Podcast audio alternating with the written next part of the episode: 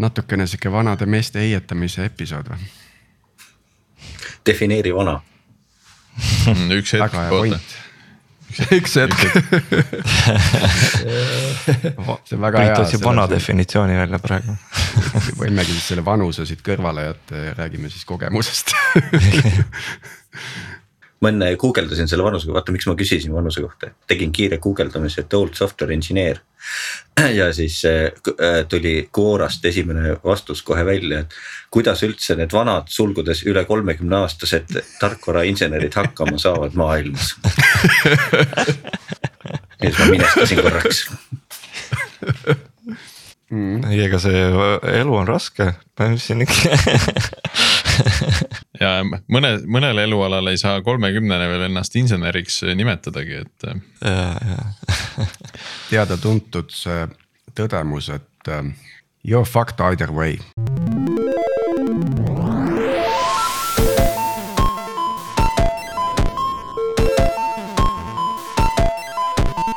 tere jälle Algorütmi kuulama, eetris on meie saja viiekümne teine episood ja mina olen Tiit Paananen Veriffist ja koos minuga on saadet vedamas Priit Liivak Nortalist ja Martin Kapp Pipedrive'ist. täna räägime siis äh, sellest, et kuidas äh, maailm kunagi välja nägi ja, ja milline see täna välja näeb just arendaja seisukohast. et äh, teema on tõesti sellise intergalaktilise skoobiga et, et aga me oleme võtnud endale appi härrased, kes aitavad meil seda skoopi koomale tõmmata. Ja, ja teevad sellest saatest siis äh, väärtuslikku. tere tulemast saatesse, Markus Minn Codebornist. ja Kalle Volkov Bondorast. tervist. või kuidas ma ütlen, Bondora, Bondora, Bondora, Bondora., kõlab hästi. Bondora just väga hea. Eesti keel äh,. just aga nüüd äh, enne kui saate juurde lähme, et natukene hea meelega kuulaks nagu mõne sõnaga teie taustast, et see annab nagu võib-olla kuulajatele sellise hea arusaama, et kust te tulete ja, ja millisele kogemusele teie nüüd varsti esitatavad mõtted põhinevad. et alustame äkki Marekust. taustast nii palju, et minul tegelikult üldse puudub selline formaalne IT-alane haridus. et jah, et ma olen IT-ga küll kokku puutunud aegade hämarusest juba ja mul on tegelikult ka diplomi peale kirjutatud, et ma olen informaatikaõpetaja. aga see on seal mitte minu eriala tõttu, vaid selle tõttu, et ma ise tollase pedagoogilise instituudi lõpetamisel kirjutasin rektorile avalduse, et soovin sooritada ka riigieksamit informaatikast ja ka minu lõputöö oli tegelikult puhtalt nii-öelda IT poole pealt, tarkvaraarenduse poole pealt tehtud ja niisiis lisati üldtehniliste ainete õpetaja juurde veel ka siis informaatikaõpetaja kutse. ja ma olen seda ka õpetanud koolis tõepoolest ja, ja võib öelda, et minu õpilastest on tulnud ka häid, väga häid tarkvarainsenere. aga siis oli selline pikem paus, kus ma noh, oma lõbuks äh, tegelesin natukene tarkvaraarendusega siis ehitasin äh, ühele oma kunagisele ärile Eestisse, Lätisse, Leedusse IT nii-öelda tagapõhja alla. Äh, aga siis ma sattusin, saatuse tahtel sattusin bürokraatia poole peale ja juhtisin pea kaheksa aastat IT-osakonda Tallinna Ülikoolis. see ei olnud tarkvaraarendusega kokkupuutumine, see oli kõike muud see oli eelarve, see oli inimressurss, kõikide nende küsimustega tegelemine, ehitused, eks ole, hooned, serveriruumid ja nii edasi. ja siis jällegi toimus huvitav pööre. ja avastasin ennast äh, toonases Hansapangas olevat XP coach. ekstreemprogrammeerimise poole peal siis ja seal siis toimus selline noh, ütleme niimoodi sügavam taasliitumine tarkvaraarenduse maailmaga ja sukeldumine sellesse. Äh, kolm-neli aastat hiljem tekkis Codeborn. ja Codebornis siis olin juba noh, algusest peale juba täie rauaga ikkagi otseselt nii-öelda käsi käsimootoris tarkvaraarendust tegemas. selle eelduseks oli nüüd see, et ma juba sellest panga ajal hakkasin vaikselt ise tegema taas jällegi tarkvaratööd. vaatama kõiki neid uusi asju, mis vahepeal oli tarkvaramaailma ilmunud ja, ja, ja siis see selline väike hüppelaud tuli kasuks, et siis jõudagi taas nii-öelda päris töö tegemise juurde, selle töö juurde, mis siis reaalselt toodangut toodab mm.. see on väga huvitav, et sa oled tõesti siis nii-öelda kaks korda teinud sama asja, aga erinevatel aegadel, et. et, et aga lähme Kalle juurde, Kalle, sina oled, tuled. oi, ma, ma tulen kaugetest hallidest aegadest umbes sama nagu Marek, aga mul oli vist äh, tarkvaraarendusega ma hakkasin kokku puutuma mingi kolmkümmend viis aastat tagasi äkki. tädi töötas Mainori arvutuskeskuses Kuulbarsi tänaval ja, ja siis äh, tal oli laptop, ma küll ei tea, miks tollal oli asja nimi laptop, sellepärast et seda kaasas kanda nagu väga ei saanud ja süles ka mitte hoida ja, ja siis äh, käisin, käisin tal töö juures vaatamas, et mis asjad need arvutid on ja siis kuidagi sattusin ülesse sinna, kas see oli neljas või viies korrus, ma isegi ei mäleta, kus oli üks arvutiruum Äh, kõrval oli serveriruum, mis oli ühte serverit täis.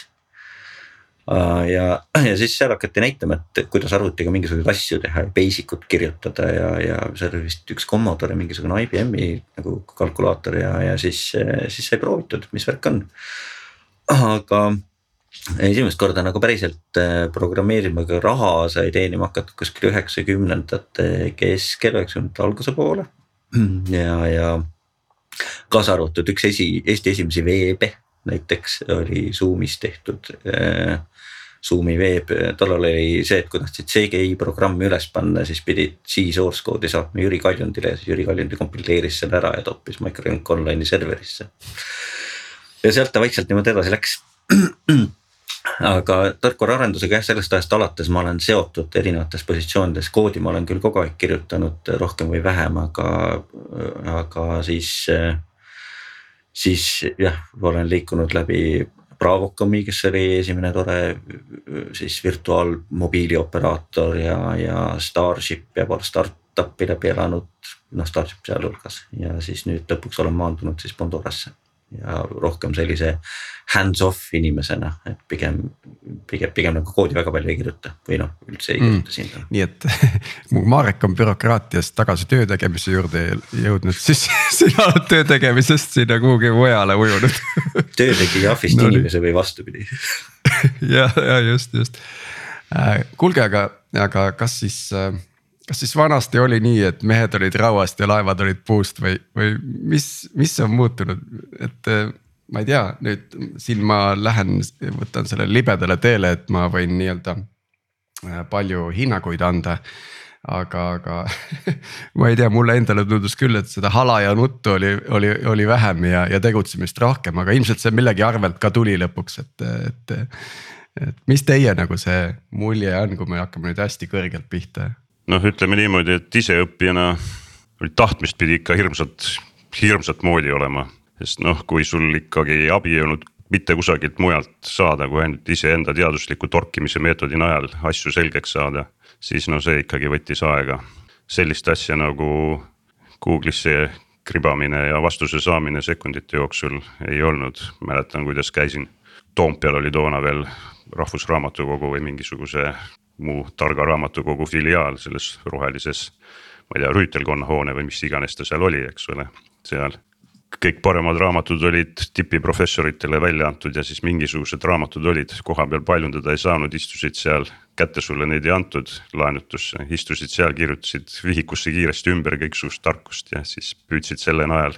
ja, ja, ja ise katsetamise najal asjadest aru saada ja teha, et selles mõttes jah, et kes nagu niimoodi alustasid ilma mingisuguse kõrvalise abita.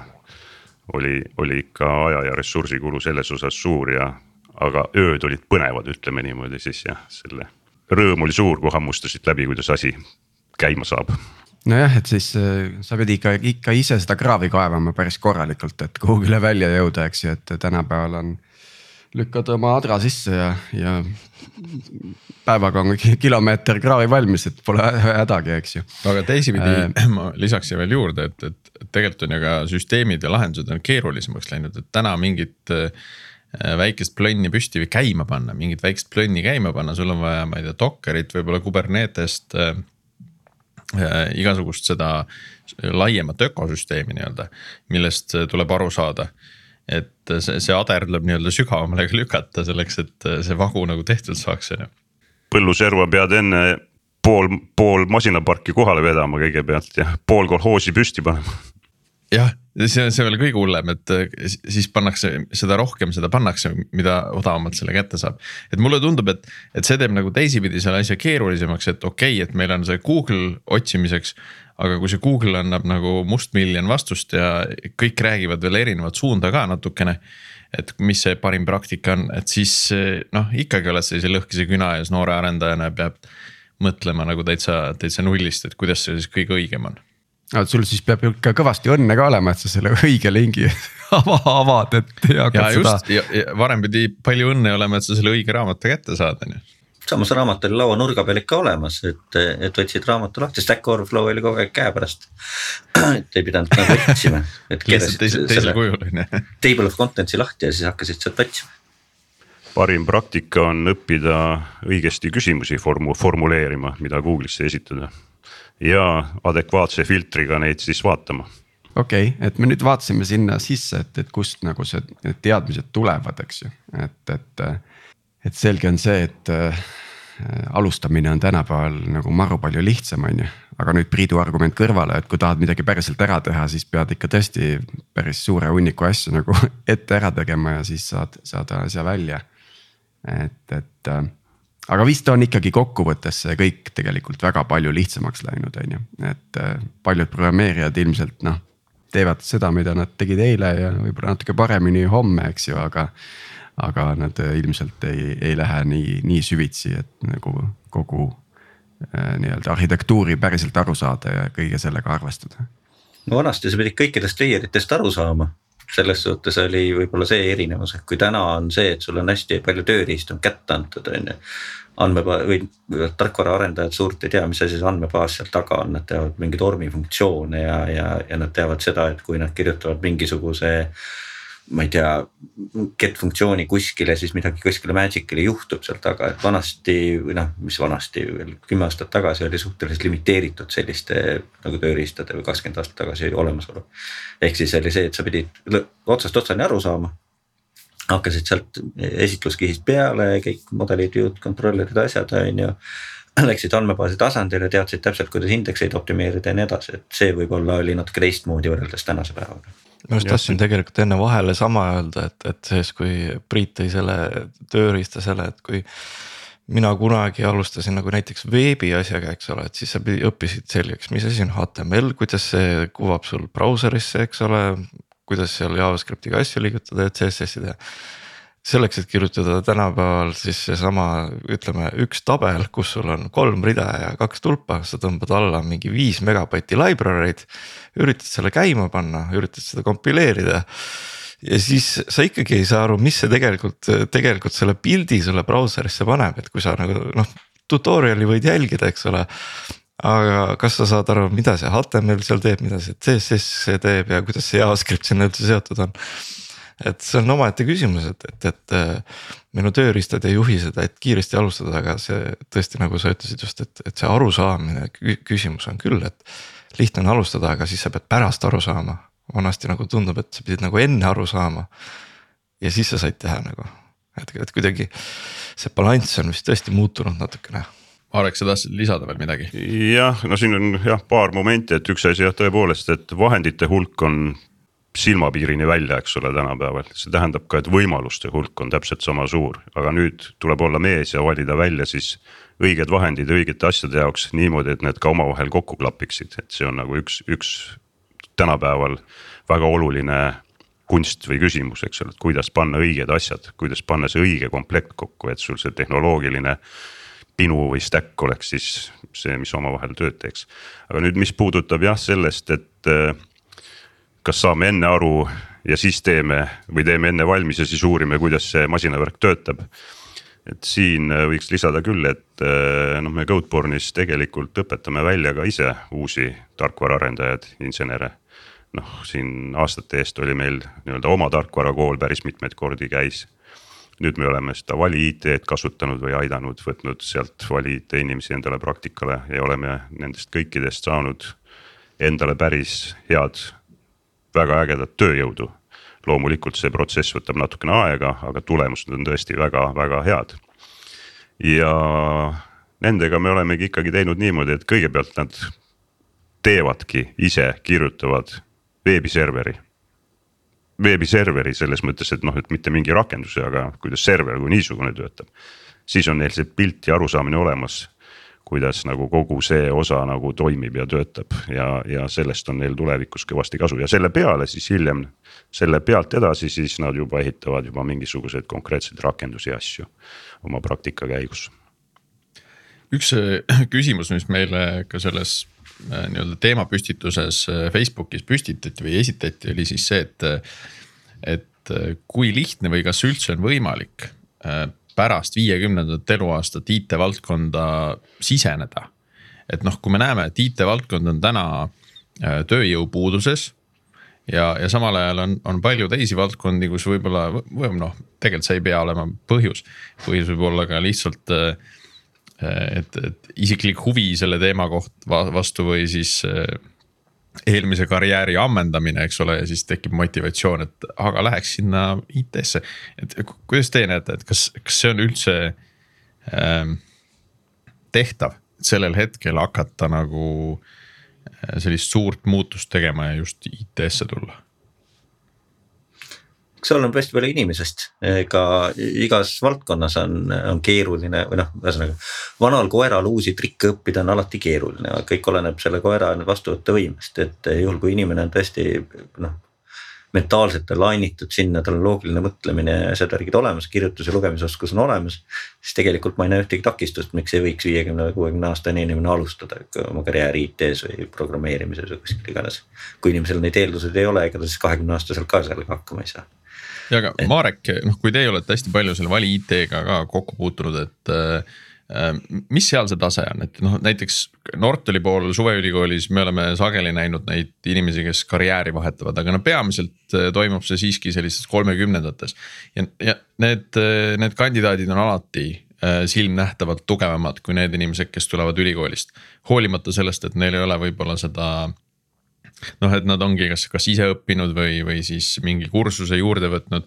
aga puhtalt see elukogemus nagu annab nii palju juurde. Sealt tuleb hoopis teistsugune suhtumine töösse, probleemide lahendamise oskus, kommunikatsioonioskus, noh. et, et see tase on hoopis teine. kuidas, kuidas teie kogemus on olnud Codeborne'is, et kas on, on ka eakamaid inimesi liitunud? No ütleme niimoodi, et päris minuealisi selliseid ätte ei, ei ole küll tulnud jah, eks, aga jah, seal kolmekümne, neljakümne vahel võib-olla ka mõni gramm peale neljakümmet, ma ei ole nagu kunagi nii täpselt uurinud, eks ole, et mis kellelgi passi kirjutatud on. aga vaata, need inimesed on oluliselt küpsemad. Neil on, nagu sa ütlesid ka, et neil on kogemus, eks. ja, ja väga huvitavatest valdkondadest, teistsugustest valdkondadest, see on minu arust äärmiselt oluline ühes kollektiivis ka et see inimeste punt või rühm või grupp ei oleks liiga homogeenne, et kõik oleksid käinud. kõik oleks sündinud ühel aastal, käinud ühes koolis, kuulanud ühtesid samu loenguid ja lugenud ühtesid samu raamatuid, eks ole, noh, see, see on nagu igav. ja seal puudub ka noh, nagu paljude asjade kohta teadmine et kui inimesed moodustavad sellise mittehomogeense grupi, kus on erinevad vanuserühmad, erinevad erialad, erinevad kogemused, erinevad huvid siis see grupp on oma olemuselt palju tugevam ja palju võimekam, kuna alad, mida see grupp ära katab, on nagu määratult laiem. ja kui inimesed on ikkagi jah, juba otsustanud sellises noh, nii-öelda vanuserühmas või sellises vanuses kolmkümmend pluss, nelikümmend seal kusagil teha oma elus mingisuguse väga kardinaalse muutuse, minna nagu täiesti teisele erialale põhimõtteliselt võib öelda, et alustada nullist, eks ole, mõnes mõttes. siis see iseenesest juba näitab, et need inimesed on äärmiselt motiveeritud ja teiseks ta näitab seda, et nad on äärmiselt võimekad, sest mittevõimekad inimesed ei hakka sellist pööret tegema, eks ole, nemad kütavad seda oma vana rada edasi, eks ole, nad ei mõtle ka selle peale, eks ole, et, et teha mingisugune selline kannapööre. Ehk et see materjal jah, mis juba siis nii-öelda inimmaterjal, eks ole, mis nii-öelda sisse tuleb. on juba ette teada, et see on nagu kõrge kvaliteediga. ja, ja seda näitavad ka tulemused. ma võin Pipedrive'i kogemuste järgi samamoodi öelda, et, et need, kes on tulnud läbi ümberõppeprogrammide on, on tõesti, et see motivatsioon on näha kohe, eks ole, et. Ja pluss mulle tundub, et üks asi, mis on selliste inimeste puhul veel on, on see, et. nagu Priit mainis, et nemad ei pea oma õppimise kõrval mõtlema sellega, kuidas kollektiivis hakkama saada, sest noh, neil on see kogemus olemas, seda nad oskavad juba. et siis nemad saavad panna kogu auru ja tahte siis nagu uue asja õppimisse ja seda on päris vägev vaadata, kuidas need inimesed ka nagu arenevad üks- oma oskustelt. Väike ahaa-moment tegelikult, seda tuleb nüüd tähistada viisakalt ja väärikalt. et me oleme selles ümberõppe diskussioonis keskendunud sellele, sellele lõpptulemusele sellest perspektiivist, et meie ressurss nagu suureneb ja käte, kätepaaride hulk kasvab, eks ju. aga me tegelikult ei ole selles diskussioonis korralikult vaatanud, vaadanud sinna otsa, et mida need inimesed tegelikult endaga kaasa toovad. millist küpsust ja, ja võimekust äh, nad oma eelmistest eludest nagu kaasa toovad, et äh, see on minu arust, võib-olla ma olen olnud halb jälgija, aga natukene nagu rääkimatu lugu. Ehm, ma võib-olla siis, võib-olla avaks seda teemat, aga avaks siis nagu natuke teise nurga alt, et kui mina tegin ka selle episoodi jaoks natuke eeltööd. siis ma jõudsin sinna, et eks noh, kõigil põlvkondadel on omad äh, mingid eripärad ja, ja, ja nüansid, et nii-öelda need äh, baby boomer'id, kes siis, kes siis täna on seal viiskümmend pluss eas. Nemad on pigem siis sellised, kes eelistavad näost näkku suhtlemist ja, ja oma, omaga töös ja mujal eelistavad rohkem struktuuri või siis hierarhiat, noh, see on juba selline isiklik eelistus. aga, aga kindlasti on seda struktuuri rohkem kui nendel äh, sellel generatsioon Z-il, kes, kes täna on seal kahekümnendates ähm, ja, ja samamoodi on nendel teistel põlvkondadel siis omad, omad sellised eripärad. et noh, nii-öelda generatsioon Y ehk siis need mill- millennials töötavad eelkõige siis mingisuguse missiooni äh, tõttu. kuivõrd öeldakse, et generatsioon Z paistab täna olevat kõige rohkem palgast motiveeritud, et see missioon võib-olla ei olegi nii oluline enam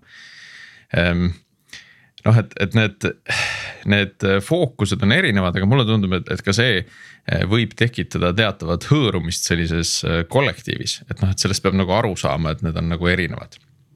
noh, näiteks, et kui eh, kasvõi seesama in-person suhtlus on ju.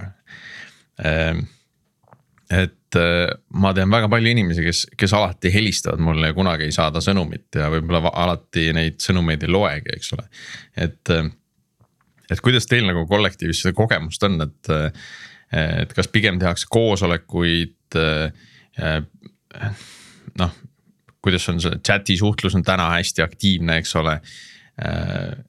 et, et kas, kas tuleb nagu sellises mitmekesises keskkonnas rohkem ühtlustada seda, et mismoodi me eelistame tööd teha.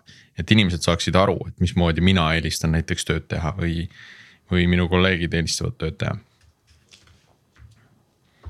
ütleks, et see nagu generatsioonidega võib-olla isegi nii palju kaasas ei käi, et ma olen näinud, noh, ma olen. kuna, kuna ma olen nagu erinevates kollektiivides olnud ja erinevaid, erinevate inimestega koostööd teinud ja koos töötanud, siis äh, seal on. absoluutselt igas generatsioonis on inimesi, kes haaravad telefoni, igas generatsioonis on inimesi, kes chat ivad. et see kuidagi sellega võib-olla ei ole seotud, aga kui nüüd mõelda nende noh mõjutuste peale või, või millest on tingitud nagu see asi, et miks osad helistavad, osad helistavad asünkroonselt, siis ma arvan, et see tegelikult tuleb kriitilisest massist kollektiivis. ehk siis, kui sul on ettevõte, kus kriitiline mass eelistab suhelda sünkroonselt ehk siis koosolekute telefoni, telefonikõnede vormis. siis kõik võtavad selle omaks hästi kiiresti ja tegelikult hakkavad levitama seda kultuuri ka et see on siis minu selline arusaam nendest asjadest, ma ei tea, Marek võib-olla oled midagi muud märganud. Mm, no vot, meil on nagu siin niimoodi, et äh, me kasutame, eks ole, X-Speed.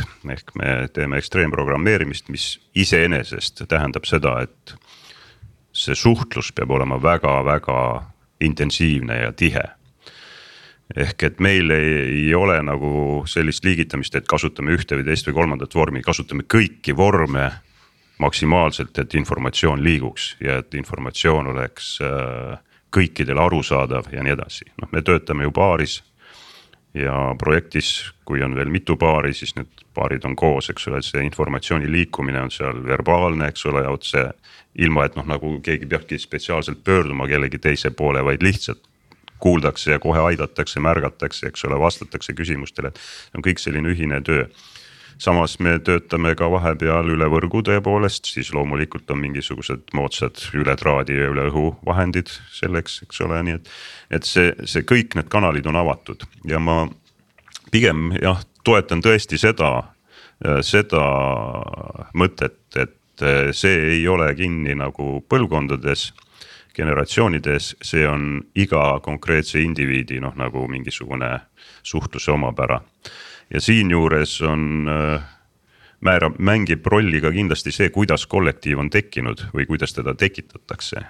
et kui sul on nagu mingisugune aegade hämarusest koos eksisteerinud ja, ja juba töötanud kollektiiv, kuhu on inimesed tulnud, noh, tont teab, millisel viisil nad sinna on nagu kokku kogutud, eks ole, siis ühel hetkel on öeldud, et no nüüd me peame tänapäeval rohkem suhtlema, eks ole, et asjad paremini käima saada siis see võib tekitada teatud inimestes nagu sellist noh ehmatust, ütleme siis niimoodi, eks ole, et nad ei ole valmis, nad ei ole nagu sotsiaalselt valmis nii aktiivselt suhtlema.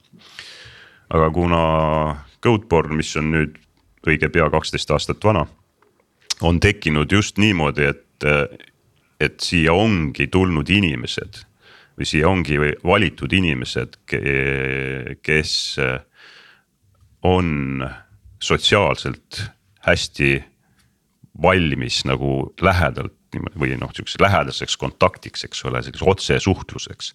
siis siin ei teki nagu selliseid äh, probleeme, eks, et keegi nagu arvaks, et et ole hea, saada mulle email, eks ole, parem, et ma ei, ei, ei tahaks nagu kuulata, mis sa räägid või ma, ma ei, ma ei tea, kuhu ma peaksin vaatama, kui sa minuga suhtled, eks ole, et noh, selliseid asju nagu meil ei juhtu, et. kuna see kollektiiv iseenesest ongi moodustunud sellistest inimestest, kes äh, tahavadki suhelda, ütleme niimoodi siis, otse, ma pean silmas siis.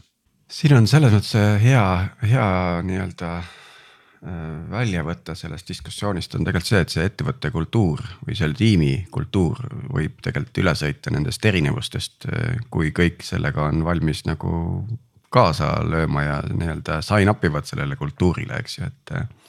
et selle kaudu saab seda, neid, neid suhtlusvorme ja viise ja tihedust nagu ka reguleerida aga, aga nüüd äh, läheks siit sellesama sotsiaalse poolega edasi ja ja, ja vaataks nagu sinna.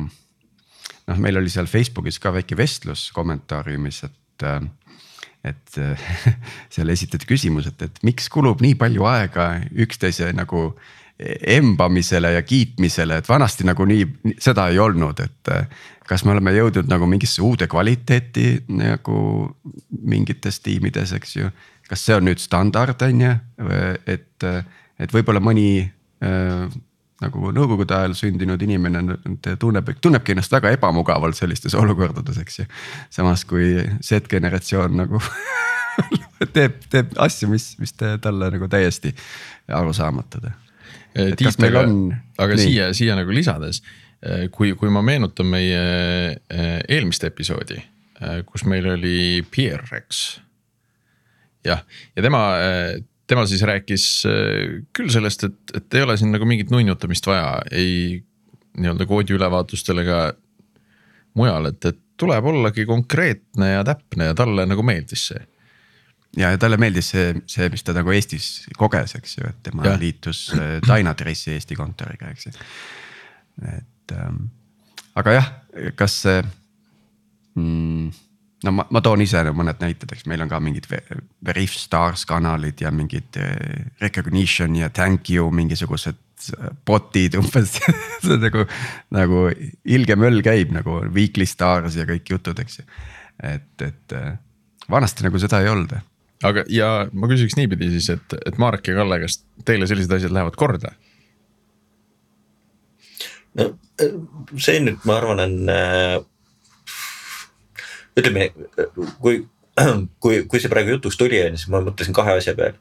üks asi on see, et esiteks jah, generatsioon on ju, ehk siis see nüüd tõesti mulle tundub, on tulnud sisse mingisuguse vanusega, ehk siis on mingisugune põlvkond on tulnud peale, kes eeldabki seda, et nende eest tehakse kõik asjad ära, põrand on alati pehme, padjad on maas, kui need kukuvad, siis tuleb emme puhub peale ja, ja kõik lahendatakse ära, raha kasvab puu otsas ja, ja alla viie tuhande euro kuupalgast pole üldse mõtet rääkidagi, on ju, nagu utreeritult. Ja sellised inimesed tahavad nunnutamist ja, ja samas on see, et arvestades eriti nagu IT-maastikul täna inimeste põuda siis see tundub, et on hakanud nagu nakkama. Seda, seda nagu võimendatakse, julgu, julgustatakse tegelikult läbi selle, et et on, on mingid inimesed ees, kes nagu eeldavad seda, et neid nunnutatakse, nendega tegeletakse päevast päeva, neid hoitakse sulgpatjade peal ja siis teised inimesed vaatavad, oh, neid hoitakse niimoodi, miks siis mind ei hoita, et ma tahan ka, et mind nunnutatakse ja siis ta läheb nagu edasi.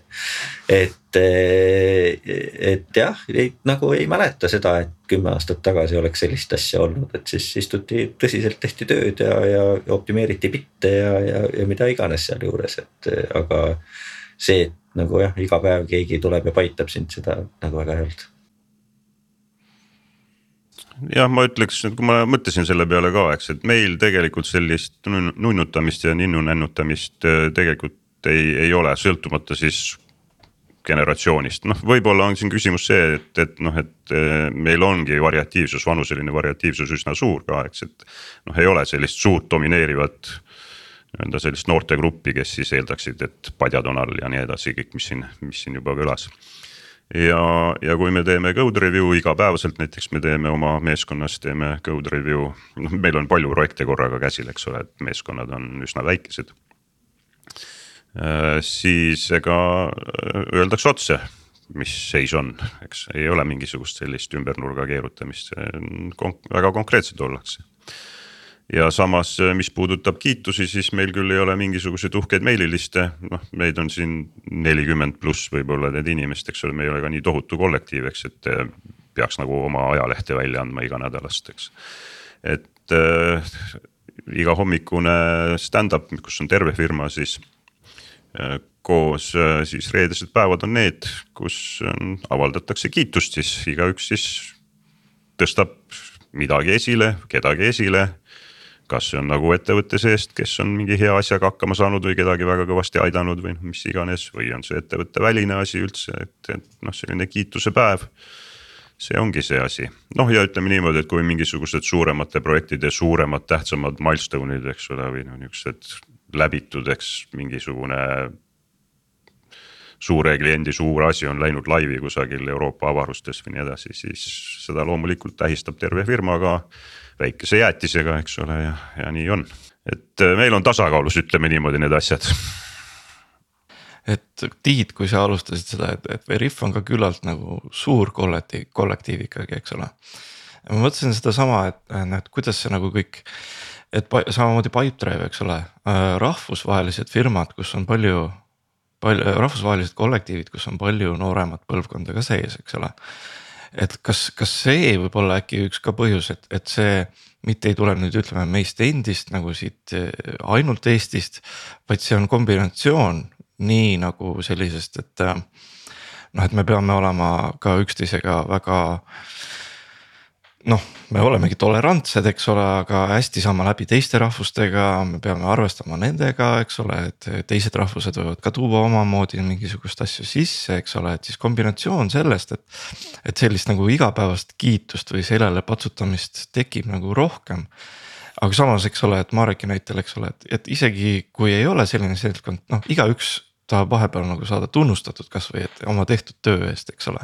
et see, mis on täiesti normaalne, et lihtsalt see ei ole selline noh, võib-olla jah, nii igapäevane asi, eks ole, et, et. et äkki see on ka, et, et Eesti maastikul ka, et me näeme järjest rohkem siuksed mitmerahvuselisi kindlasti, kindlasti teema, et, et ega kui sa tahad nagu, kui sa oled sellises kiires kasvus ja, ja sa palkad eri tausta, kultuuri ja, ja kogemusega inimesi, siis. Siis äh, sellega nüüd võitlema hakata on suhteliselt tulutu mm, -hmm. et äh, sa pead tegelikult nagu kohanema, kohandama. eks ja sealt hakkavad välja, sul on mingid põhiprintsiibid peavad ikkagi paigas olema, on ju, noh mingisugused sellised nagu noh, ettevõtte väärtused, mingi engineering us mingid, mingid printsiibid, kuidas me asju teeme. selgelt nagu väljendatud ootused. aga, aga äh, sellega, seda kõike nüüd hakata ümber kasvatama, see, see, see peab jääma nagu rohujuure tasandil nagu inimese ja tema tiimliidi nagu tasemel, et see nagu kuidagi tuleb nagu aatomitest kokku, on ju. et nad ühel hetkel nagu tiirlevad õige sagedusega eh, ümber mm, -hmm. ümber tuuma, et.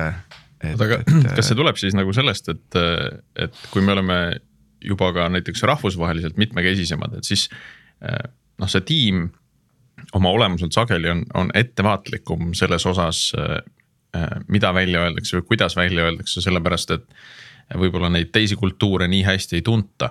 noh, ühel hetkel, kui see tiim väga hästi sisse töötab, siis muututakse otse loomulikult vabamaks ja konkreetsemaks, muretumaks selles osas.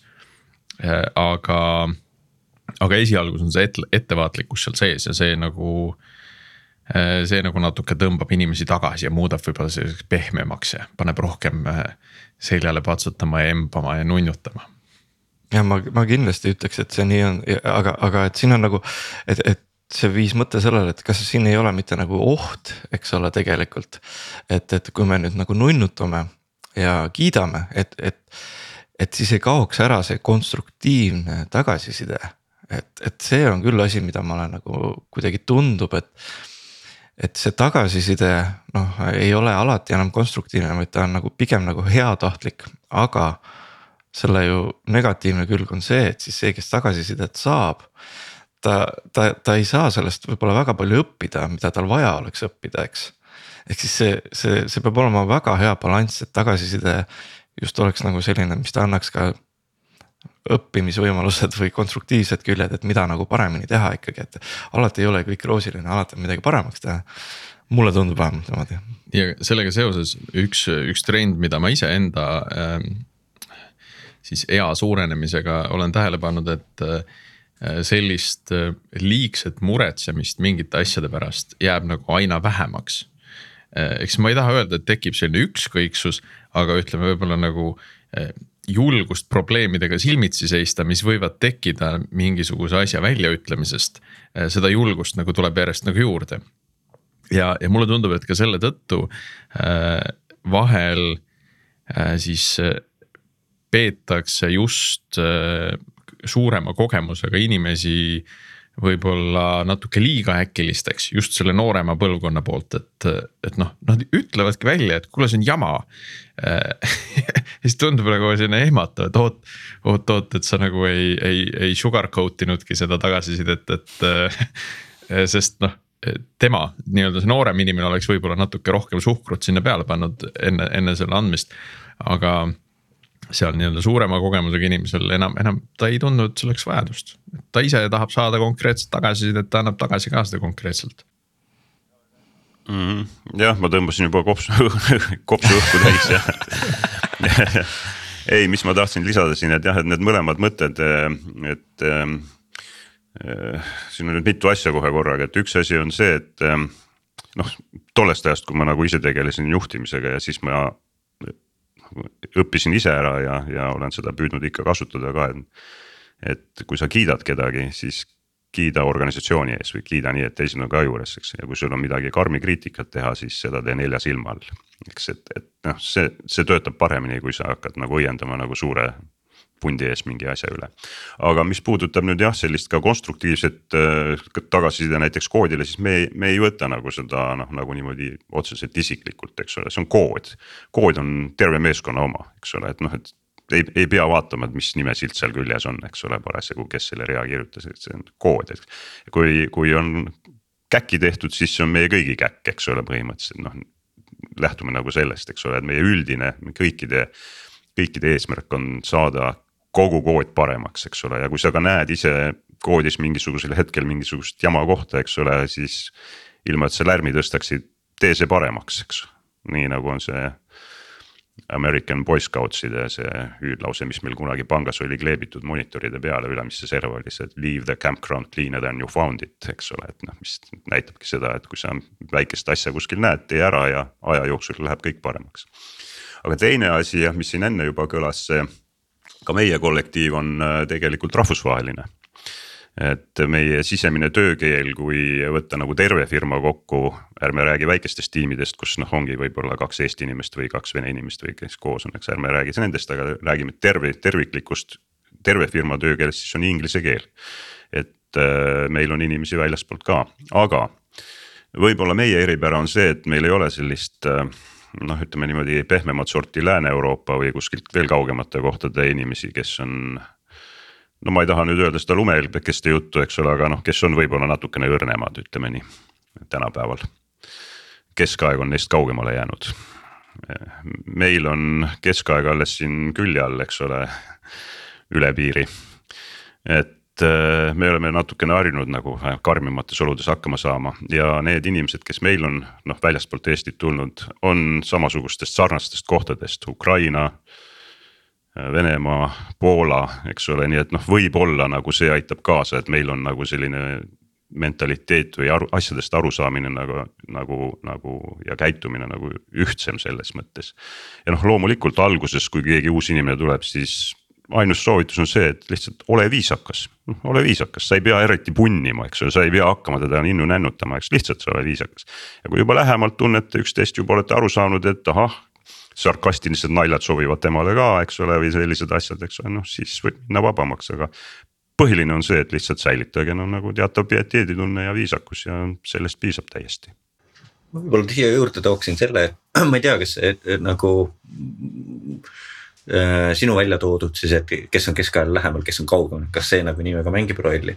aga äh, mõnes kollektiivis kindlasti, mõnes kollektiivis võib-olla vähem.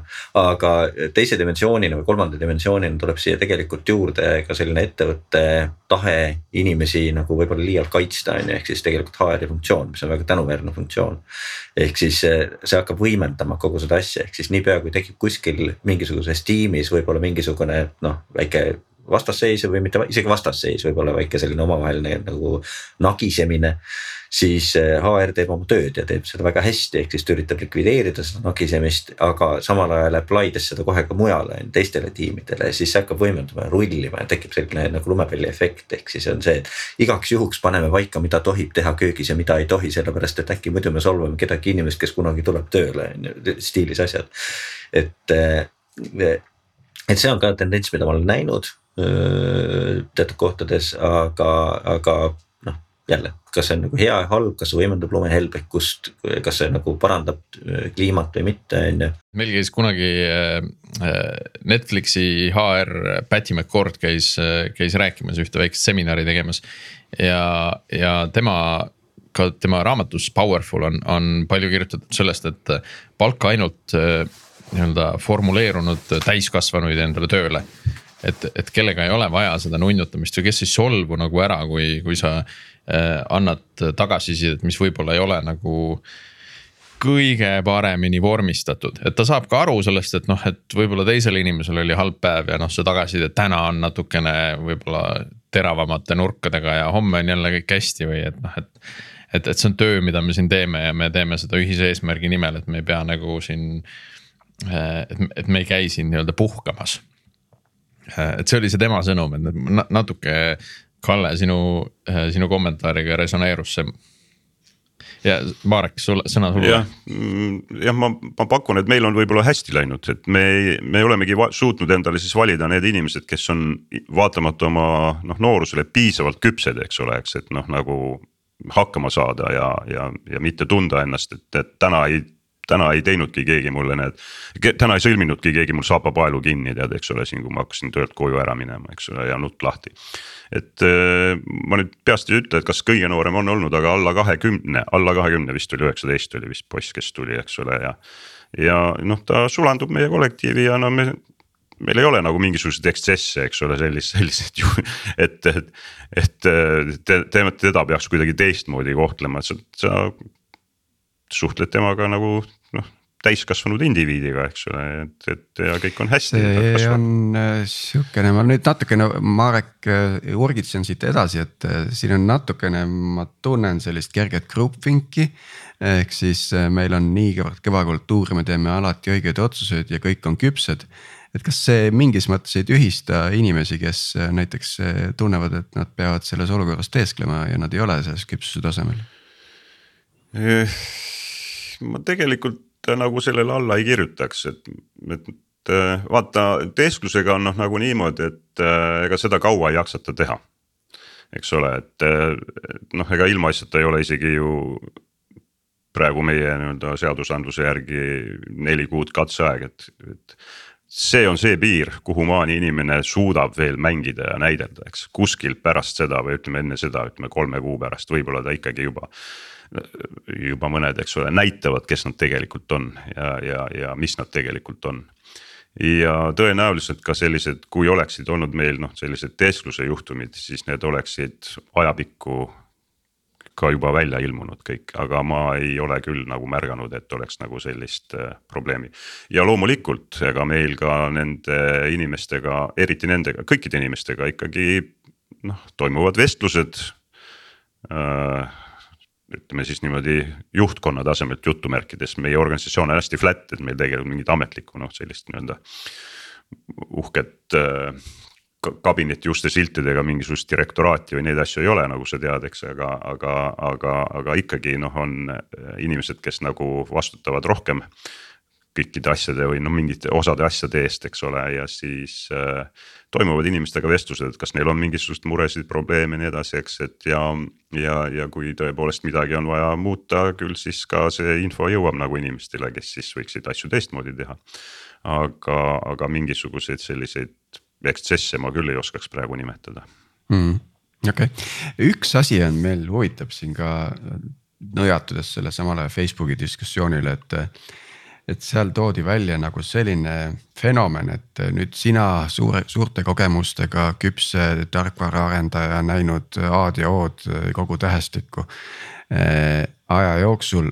ja sa näed, et asi hakkab nagu kiiva kiskuma, mingisugune teema areneb, mingi lahenduse variant, kõik on jube excited. ja sa oled täiesti veendunud, et see on nagu täiesti vale suund, et kuidas siis see sõnum nagu kohale viia, ilma et see nii-öelda kriitiline mass sind aknast välja viskab, et et kuule, lõpeta ära, see on õige, on ju, et, et äkki teil on mingeid selliseid nõuandeid, nõuandeid siin? Noh, ütleme niimoodi, et esiteks ma ei pea ennast nii suureks, et kõike maailma A ja O olen ära näinud, eks ole, et see on kindlasti noh, nagu vale arvamus, et muide võikski siin rõhutada, et see meie eriala. see tähendab ikkagi elukestvat õpet, see ei ole niimoodi, et sa oled nagu mingisuguse, mingisuguse maani asju õppinud ja siis sealt lased nagu edasi, et see on elukestev. aga äh, meie komme on nagu või noh, meil välja kujunenud tava on siis see, eks, et ähm, tõuseb diskussioon argumenteeritud diskussioon. mitte see, et, et mina tean või mina olen teinud ja ma olen kõvem ja ma olen kauem ja nii edasi, eks ole. aga see on äh, diskussioon, kus asjad läbi käiakse, argumendid pannakse lauale. ja ka kõik inimesed on vähemasti noh, ma praegu julgen küll öelda, et kõik inimesed on meil sellises äh, noh, kuidas nii-öelda äh, noh, öelda mitte vormis, aga, aga, aga nende olemus on selline, eks, et eh, nad kuulavad argumente ja saavad aru, kui, et nende arvamusest on tegelikult mingi teine arvamus veel täpsem, parem ja põhjendama, põhjendatum. eks ehk et, et ei ole niimoodi, et nui neljaks, et minu sõna peab peale jääma, seda ei ole, et kui on argumendid, siis on ka võimalik meelt muuta. Ja ma näen, et see on meil toiminud hästi et, et meil mingisugust ülerullimist kui niisugust ei ole. otsus langetatakse noh, ikkagi mingisuguse mõistliku, mõistliku järelduste tegemise pealt. kui tiim on piisavalt küps, siis ma arvan, et selline asi töötab täiesti hästi, küpsusaste on sarnane või piisav et äh, see on üks viis lähenemiseks, mida äh, võib-olla ma olen näinud natukene rohkem ja ka praktiseerinud, on see, et äh, et kui tuleb inimene, kellel on mingisugune suhteliselt karm arvamus, et jah, niimoodi tuleb teha ja, ja mulle tundub, et võib-olla on ka alternatiivseid võimalusi, kuidas seda teha. siis on lihtsalt küsida ja suunatud küsimus, coaching põhimõtteliselt selles suhtes, et apply da tegelikult sellist noh, tavalist execute mis iganes nagu business coaching ut tegelikult tarkvaraarendusele on ju. küsida, mida sa tegelikult arvad kuidas sa mõtled, mis, mis on nagu sinu lähenemisviisid on ju, kuidas sa seda teed. ja tegelikult läbi selle inimene ise hakkab vaatama nagu teise nurga alt seda asja, et ahah, mis on siin nagu veel võimalused, asjad, värgid on ju. et mm -hmm. see see töötab võib-olla natukene paremini just siis, kui noh, on, ongi see, et on erineva küpsusastmega inimesed koos, on ju. nüüd mündi teine külg, eks ju, on see, et äh, jällegi inimesed jagasid, et nad on ajaloos teinud asju, mida nad tagantjärgi vaatavad, tundusid täiesti võimatuna selle teadmise baasilt, mis neil nüüd on, aga nad tegid seda ja nüüd, kui seal on mingi vend, eks ju, kellel on mingi kogemus, on ju, siis, siis nagu jagab seda kogemust ja sunnib neid argumenteerima ja nii edasi ja lõpuks nad kaotavadki. äkki siis selle, sellega kriipsutadki läbi selle nagu väikse võimaluse, et tekib mingisugune ime, tekib mingisugune asi, mis nagu noh, oleks rohkem kui mingisuguse konsensuse nagu saavutamine et, et olekski, sa, mõtled, Tiit, et oleks nagu tööle pandud see asi, mis noh, et et see, no, see ühesannaga... varem ebaõnnestus, tundub, et uuesti ebaõnnestub, aga läbi mingi ime nagu hakkab tööle, pannakse käima. Äh, no või siis see, et sa lihtsalt, et inimesed lähevad tegema nagu äh,. nagu asju piisavalt naiivselt, et nad äh, saavutavadki rohkem, kui nad ise arvasid, et nad saavutavad. aga kui sa selle naiivsuse sealt ära võtad siis, siis nad suht ikkagi lõpuks nagu teevad seda, mida nagu umbes nagu palud neil teha. Ja no seal, seal tegelikult tulebki mängu seesama küsimine või coaching'u nagu loogika on ju, ehk siis on see, et tegelikult läbi selle noh, oletades, et mina olen see inimene, kes nagu üritab aru saada, kas see päriselt on õige viis, mida näiteks ma ei tea, Marek teeb, on ju. et siis on see, et läbi nende samade küsimuste ja põhjendustega programmeerimine ei ole see, et sa paned käed klaviatuurile ja kirjutad, et tegelikult on see, et sa pead läbi mõtlema, sa pead läbi mõtlema kõik need edge case'id, sa pead läbi mõtlema kõik asjad, mis võivad viltu minna ja kõik asjad, mis võivad hästi minna, on ju. ja, ja see on mentaalne töö paljuski, see ei, noh, see ei saa olla see, et sa paned käed klaverile ja hakkad kirjutama perfektset koodi ja, ja läbi nende samade küsimuste ja läbi sellesama diskussiooni, noh, mida Marek kasutab, on ju äh, tegelikult tekivadki needsamad asjad välja, et oh kurat, tegelikult see on super hea mõte, loomulikult teeme niimoodi, nagu sina arvad, on ju.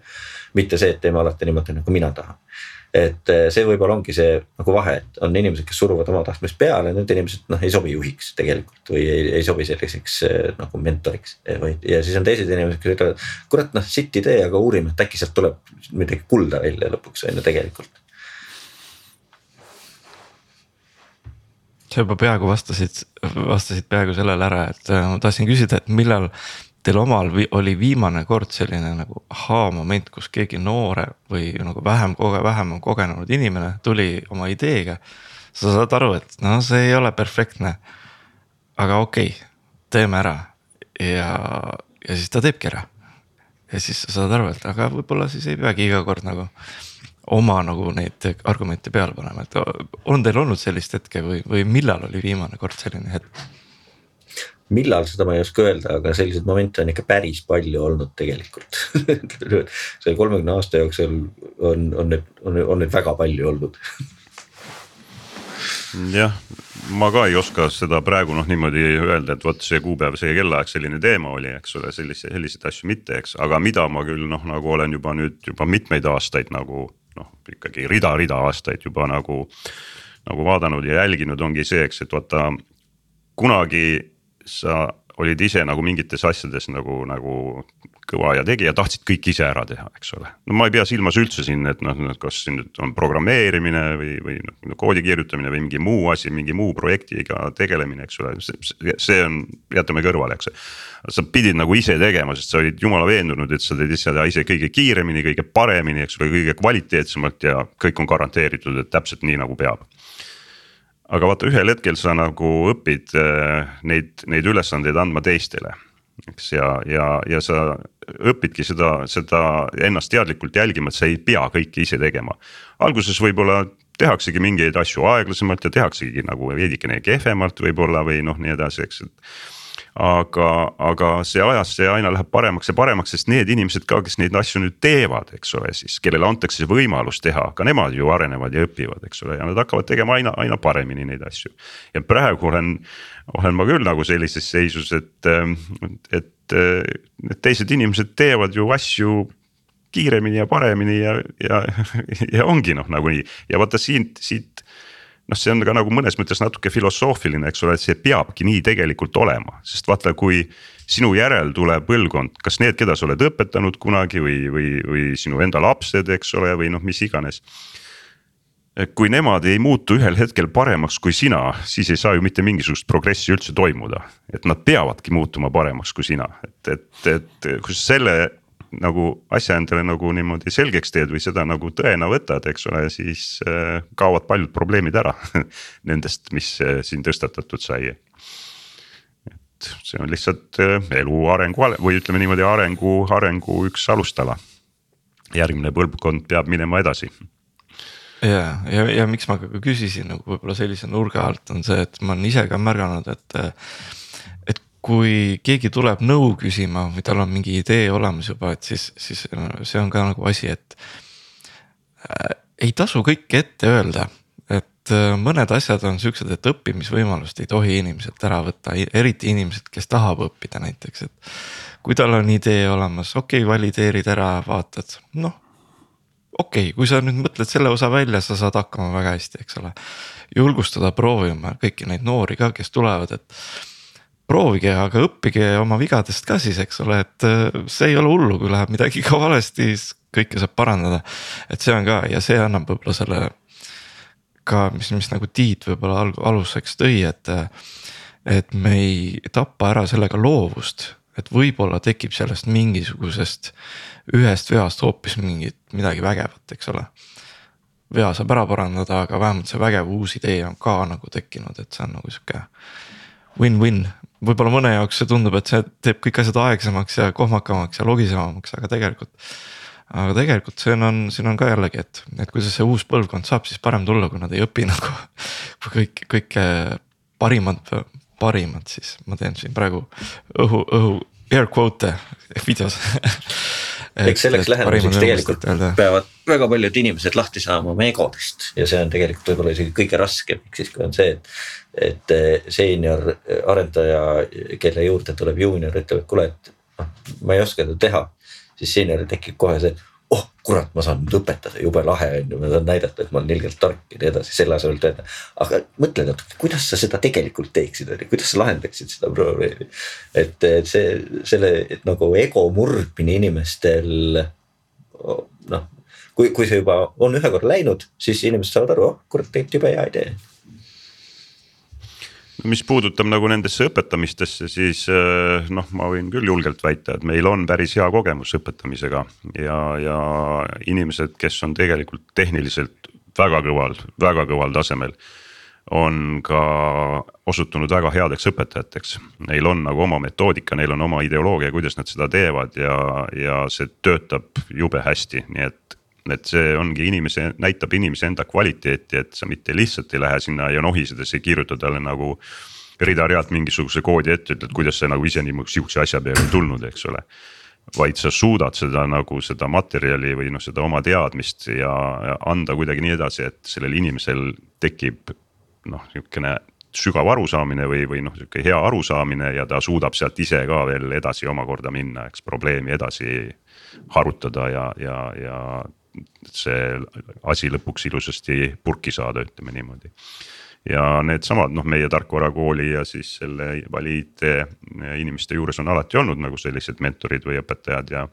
teevad suurepärast tööd, see on lihtsalt lust vaadata tegelikult, kuidas kõrge tasemega spetsialistid kasvatavad uusi eriala inimesi. neil ongi see nõks ära käinud. jah. jah ja nad tahavad ja nad naudivad seda ise. just, saavad oma, oma satisfaction'id, rahulduse sealt. aga küsin siia lõppu meie külalistelt, et mis teid praegu nagu, kuidas ma ütlen eesti keeles ongi raske, põnevaks, mis, mis teie elu põnevaks teeb või mis teid nagu nii-öelda. Teie ellu täna põnevust toob, millest te olete nagu vabandan tõesti eestikeelset sõnu raske leida, excited või elevust tekitab. elevust jah, mis teile täna elevust tekitab? ja lisaks veel juurde, et kuidas, kuidas see erineb sellest, mis äh, kakskümmend aastat tagasi elevust tekitas? noh, paistab, et meil ei tekita enam ükski asi elevust või kandev paus, ega see on ka normaalne noh, see on nagu, see on nagu, see on vaata nii laialivalguv või noh, mitte laialivalguv küsimus, küsimus on konkreetne, eks ole, aga see temaatika on üsna laialivalguv, sest noh, kõik need pisikesed nüansid kokku. inimesed, kellega sa iga päev siin kokku puutud, suhtled, eks ole, see jällegi eestikeelne sõna puudub, fun, eks ole, see lust tegelikult, eks ole. mis siin selles kollektiivis nagu valitseb, kui sa, sa oled selle liikmena, käid, see on üks aspekt, eks ole, töö, mida sa teed probleemid, mida sa lahendad. eks vahepeal on nihuke, vajab nuputamist ja, ja, ja ikkagi läheb mitmeid päevi mõni, mõne probleemi lahendamisega, eks ole. kui sa selle lahendatud saad, siis see sihuke hea tunne, eks tehtud, saime jagu. kliendi rõõm, noh kliendi siiras selline nagu tänu, eks ole, et tema mingi mure on nüüd murtud, lahendatud, eks. uus toode väljas, mis iganes ja kui sa käid ka kusagil ükskõik veebis ringi või linna peal ringi ja näed, et sedasama asja, eks ole, mida sina oled nagu teinud. reklaam on posti otsas siin-seal ja kolmandas kohas, eks või kusagil mujal kiidetakse ja tõstetakse esile, eks ole, kõik, kõik need asjad, eks ole, ongi summa summarum väikeste selliste mingisuguste niimoodi tükikeste tükk, väikestest tükikestest kokku pandud mosaiik, mis, mis ütlebki või noh, mis annabki sulle selle tunde, et seda on äge teha ja noh, lisaks meie veel, me ei ole seotud väga tihedalt mingisuguste konkreetsete noh, tehniliste platvormide või asjadega, et me äh, saame üsna vabalt nagu valida endale platvorme, väga sageli valitakse mingeid uusi, uusi asju, eks ole mm,. jällegi inimestel on põnev lihtsalt neid asju kasutada, teha, eks ja, ja nii see on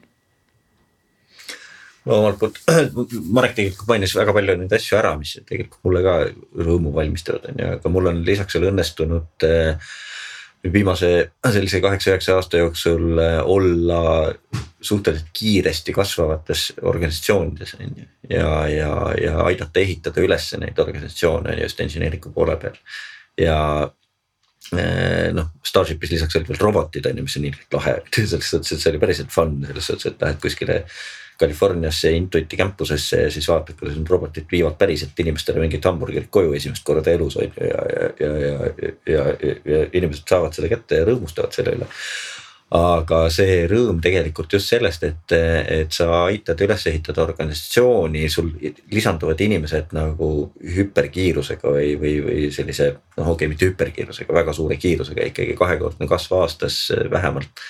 ja, ja, erinevad inimesed, erinevad tulemised, erinevad põhjused, miks nad tulevad, erinevad põhjused, miks nad liituvad, mida nad tahavad õppida. ja, ja siis aidata neid inimesi saavutada nende noh, sisuliselt siis unistus on ju, tööalane unistus sel hetkel.